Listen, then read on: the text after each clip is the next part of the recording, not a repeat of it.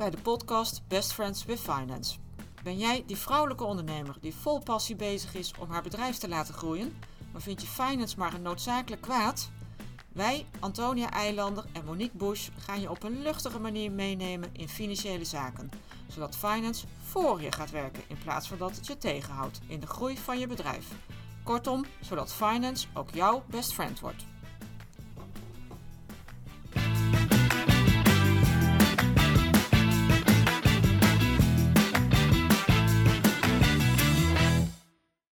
Leuk dat je weer luistert. Antonia en ik zitten hier weer gezellig bij elkaar. We hebben er weer zin in om een leuke podcast op te nemen.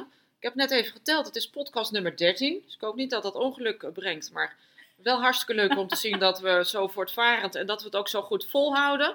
In het begin waren we natuurlijk heel ambitieus met één podcast in de week. Maar dan ben je toch wel een beetje bang of dat gaat lukken. Nou, het lukt ons. Dus dat, Het eh, gaat vrij aardig zover. dat gaat hartstikke goed. We hebben geen gebrek aan onderwerpen. Iedere keer hebben we weer een aantal nieuwe onderwerpen die op het lijstje terechtkomen. Dus we hebben ook nog voldoende stof om een aantal maanden ermee door te gaan. Antonia, fijn dat je er weer bent. Deze week is het weer jouw onderwerp. Wat heb je uitgekozen?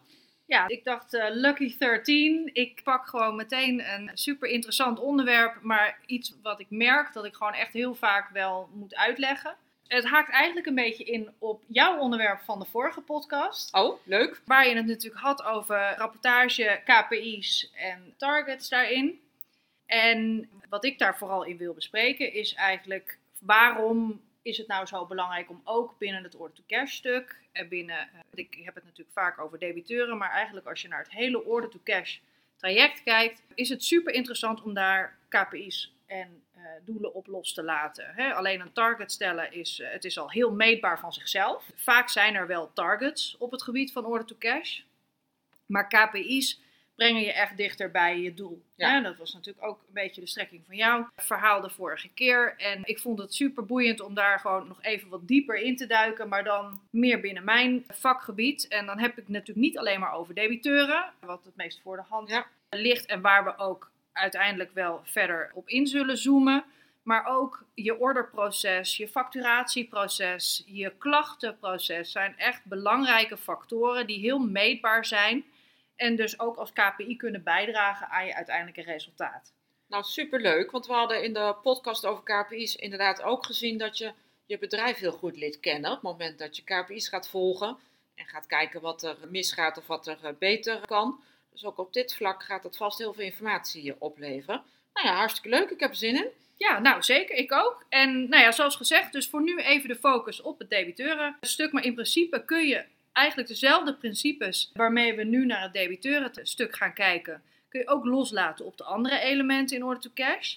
Gaan we in deze podcast niet doen, voor nu. Maar mocht je nou heel graag daar wel meer over horen, hè, wil je graag dat wij een beetje dieper ingaan op hoe eh, maak je nou mooie KPI's op facturatie of op je orderproces of op je klachten, Ja. dan laat het ons gerust even weten in de comments. En dan maken we daar eh, tijd voor in een van onze volgende podcasts. En dan duiken we daar gewoon voor je in. Maar voor nu dus debiteuren. Het simpelste meetpunt, en dat is ook waar vaak targets op afgesteld worden, de doelen die je wil bereiken, Ja.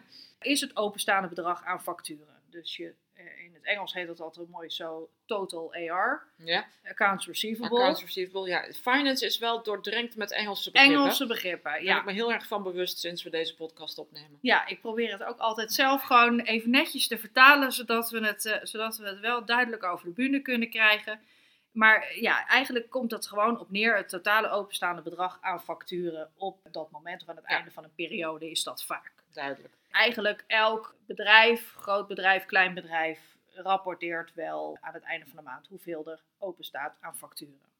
En dat is ook logisch ook, hè, want dat is gewoon je debiteurenpositie op je balans. Dus daar hebben we weer het linkje gevonden van eh, jouw onderwerp en mijn voorkeur. Precies. Mijn liefde. Ja, zeker weten. En als we dan nog verder een bruggetje willen slaan naar je verlies-winstrekening, dan is natuurlijk de facturen die je in die maand eruit gestuurd hebt, Ja. Die komen dan weer daar. Verlies- en winstrekening komt volgende week live, die podcast. Kijk. Dus dat is, wat dat betreft hebben we, we hebben niet echt een vaste volgorde bepaald, maar we merken wel dat we er redelijk, ja, redelijk logisch doorheen eh, lopen. Dus dat is ook wel leuk voor onze luisteraars. Zeker. Nou, als je het dan hebt over je totale openstaande bedrag aan facturen, is er eigenlijk altijd meteen een beetje moeilijkheidje daarin van hoeveel is er dan nog binnen de betalingstermijn van dat bedrag.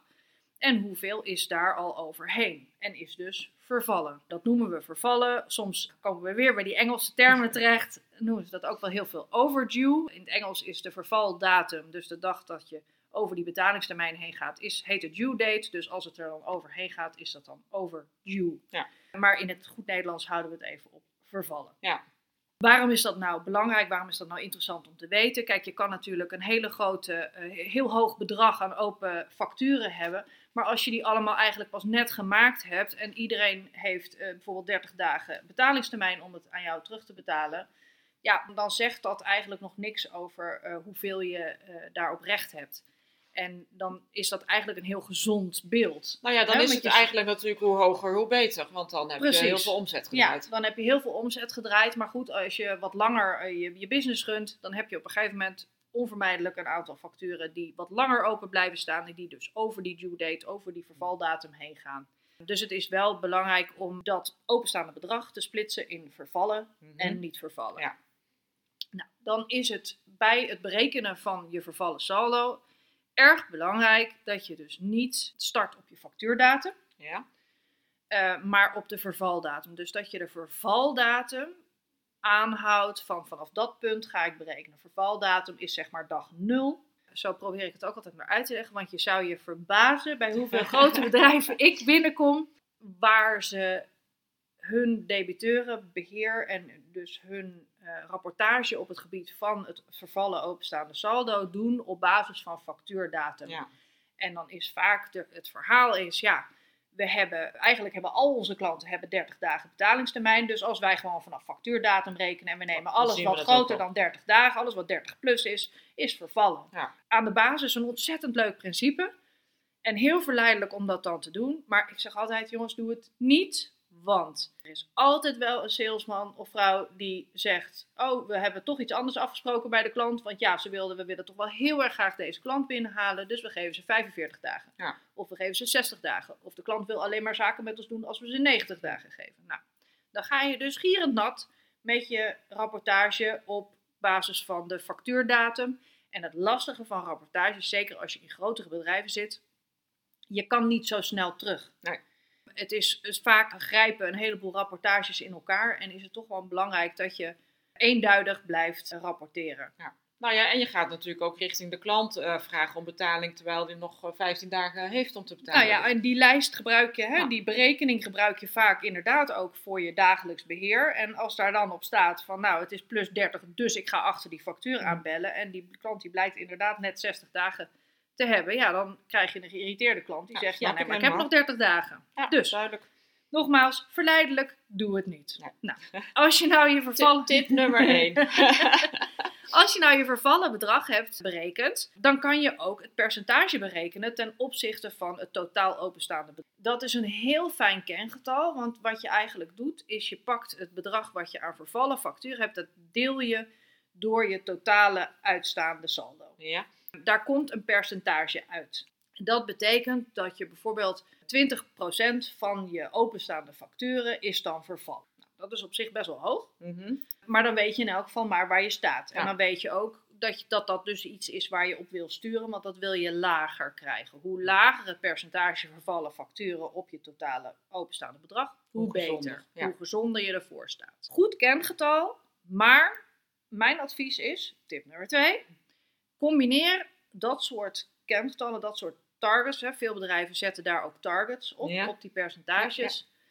Combineer het altijd met een hardgetal. Ja. En met een hardgetal bedoel ik met een cash target. En dan het liefst in dit geval niet op totaal openstaand bedrag, maar op totaal vervallen, Vervallen. bedrag. Waarom? Je hebt heel weinig invloed vanuit finance of vanuit je debiteurenpositie op het aantal facturen wat er uitgaat. Ja. Dat is dat sales. Je weet niet hoeveel je hebt geen invloed op hoeveel er verkocht wordt. En omdat je daar geen controle over hebt, is dat heel lastig als jij dan beoordeeld wordt en jouw werk beoordeeld wordt op het feit dat dat, dat percentage omhoog is Ja, gegaan. ja, snap Hè, ik. want eh, als jij een lager vervallen bedrag hebt, maar het Net totaal uitstaande bedrag. Ja. is heel hoog, dan Hm. lijkt het alsof jij het ontzettend goed gedaan hebt. Nee, wacht even. Nou zeg je, slecht. ja, Ja, ja, als, het, als het totaal openstaand bedrag ook omlaag gaat, dan heb jij het op zich wel beter gedaan. Alleen dan lijkt het alsof je het beroerder doet, omdat er gewoon minder facturen Ja, uit zijn gegaan. Dan zie je het niet. Ja, duidelijk. Als jij het slechter hebt gedaan, dus eigenlijk is het bedrag hoger, maar het totale openstaande bedrag is ook twee keer zo hoog, en jij hebt het maar iets hoger, dan kun je aan dit percentage wel zien dat procentueel gezien je er beter voor staat. Dus zo werkt het dan ook weer wel. Ja. Maar combineer het dus altijd gewoon met een hard getal. Ja, duidelijk.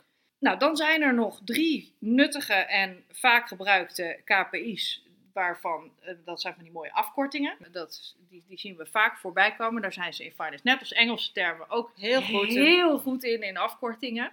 En dan hebben we het over DSO. Is iets wat we al eerder genoemd hebben. Daar ga ik zo even dieper op in. Lockup en CEI.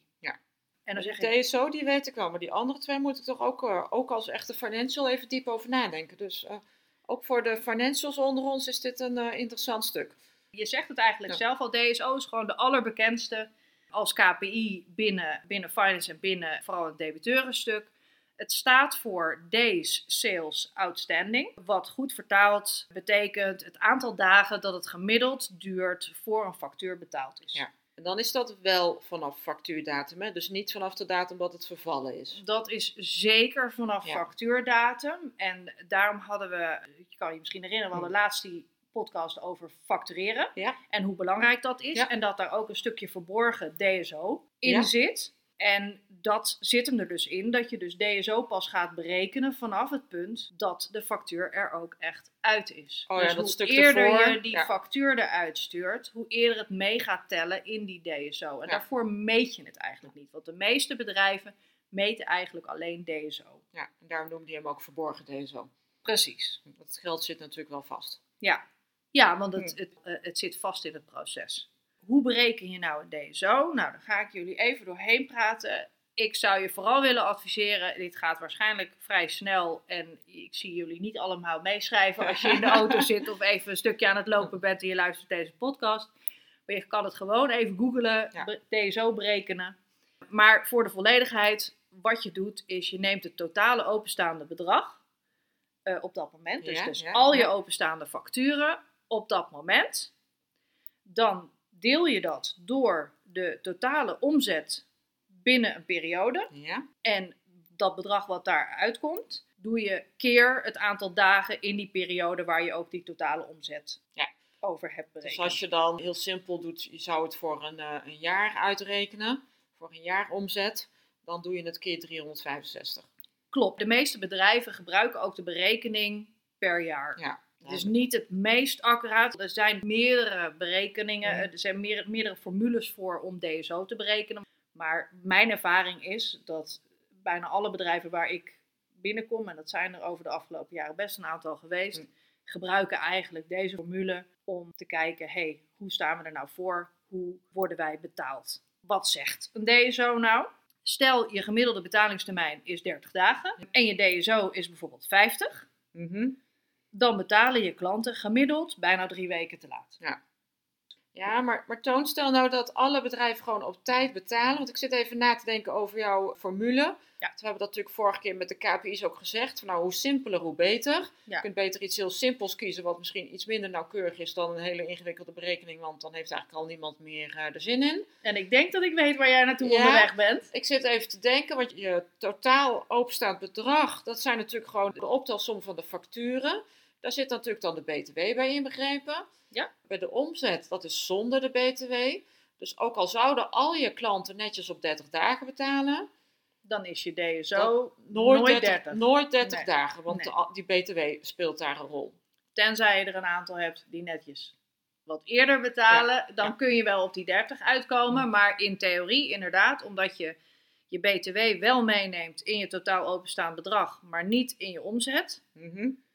Kom je nooit precies op die 30. Maar ja, globaal gezegd, de BTW is dan 21% eh, meestal. Ja, plus niet al je klanten. Je hoeft ook niet aan al je klanten BTW te berekenen. Soms als je, Ja, als je naar het buitenland gaat, is het, eh is het eh, intercommunautair, vrij. ja, dus dus het- dan, dan heb je het ook niet. Maar even, even grof gezegd, als je 30 dagen betaaltermijn hebt en je zit op 36 dagen, dat is, want met BTW is het bedrag natuurlijk 20%, ongeveer 20% hoger, dan zit je met 36 dagen zit je super netjes. Zit je al best prima. Ja, Ja. hoor, ja. Dan, eh, dan heb je het heel goed voor elkaar. Maar bij DSO is het dus inderdaad wel zo. hè, Als we dat dan even tegen die 50 aanhouden van mijn voorbeeldje Ja. van net. Hoe lager, hoe beter. Ja, hoe Dus dichter bij de hoe, betaaltermijn. hoe dichter bij je die betaaltermijn komt, hoe beter je DSO is. Ja. Nou, tot zover dan DSO. Dan heb je nog lock-up. En lock-up is iets wat veel minder voorkomt. De eerste twee eh, kengetallen die ik net eh, noemde, het zijn eigenlijk de meest voorkomende. Dus het percentage, het harde vervallen bedrag, het zijn er eigenlijk drie. En de DSO. Ja, Lock-up is veel minder voorkomend. Waarom? Eh, het is eigenlijk een vergelijkbaar kengetal met DSO. Maar het kijkt breder naar hoe lang je geld vastzit in het totale proces vanaf het start van de werkzaamheden. Dus het wordt eigenlijk veel meer gebruikt voor een werk, als een werkkapitaalgetal. maar dan hè? heb je echt het proces van order to cash. Het volledige proces. Ja. Terwijl natuurlijk DSO pas is vanaf het moment dat die dat factuur die uitgefactureerd is. Ja. Ja. wat je dus bij lock-up niet hebt, is die verborgen DSO, waar we het net over hadden, vanuit dat facturatieproces. Want in je lock-up neem je mee de periode voor facturatie. Ja, dus dan zit hij er eigenlijk al gewoon in. Die zit er gewoon Ja. bij in. Berekenen van een lock-up is dus het totale openstaande bedrag aan. Ja, daar komen we weer met onze afkortingen en onze Engelse termen van het onderhanden werk Ja, zoals het in het Nederlands heet. In het buitenland heet het vaak eh, WIP, Ja. Work in Progress. Dat totale bedrag van wat er dus aan onderhandenwerk uitstaat, dat tel je op bij het totale openstaande posten. Dus hè, wat er al wel, dus je pakt het stuk wat, waar je mee bezig bent, maar nog niet gefactureerd is. Je pakt het stuk wat je al gefactureerd hebt. ja, En daar trek je dan nog van af eventuele vooruitbetalingen. Dus Ja. dingen die je al wel gefactureerd hebt, maar waar je het werk nog niet voor geleverd hebt. Mhm. En dat deel je door wederom die totale omzet voor die periode. Uitkomst daarvan gaat weer keer het aantal dagen van de periode. Dus het lijkt op DSO berekenen. Alleen omdat je iets meer meeneemt. Je in begint je, veel in- eerder, je ja. begint eerder in je proces. Krijg je een ander beeld eh, en een completer beeld eigenlijk van hoe lang je geld nou eigenlijk vastzit in je hele businessproces, in je hele Ja. order-to-cash proces. Daarom heet het ook lock-up. hè? Het zit letterlijk opgesloten in je proces. Maar dat is dus vooral interessant om uit te rekenen als je producten levert waar je al heel veel kosten maakt. Denk aan, laat aan een bouwproject.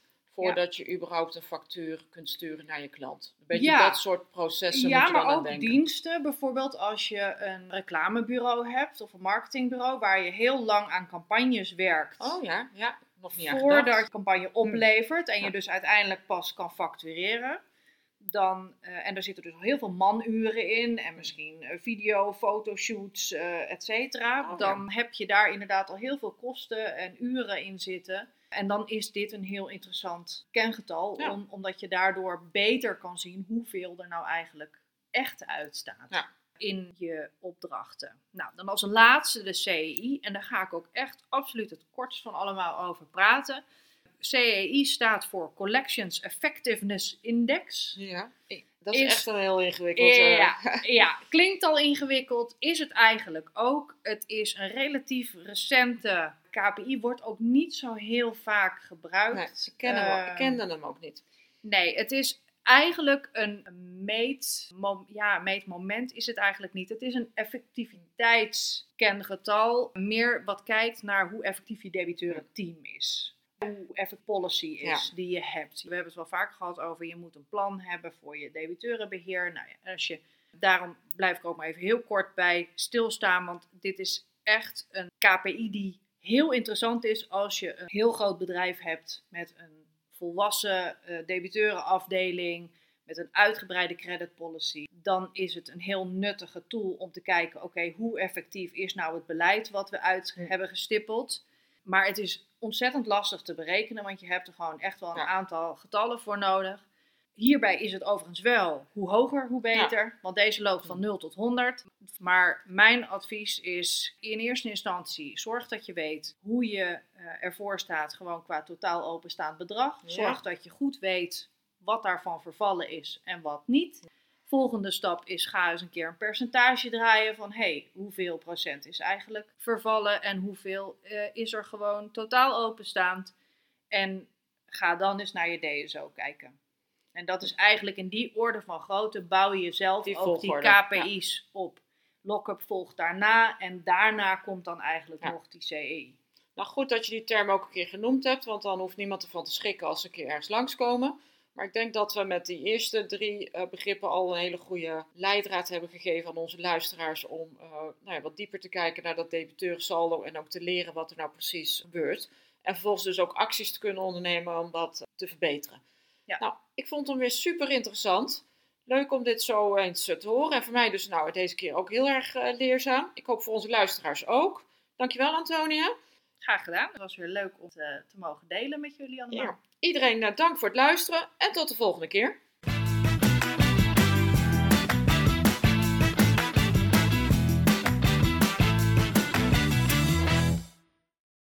Dankjewel voor het luisteren naar onze podcast. Dat vinden we superleuk.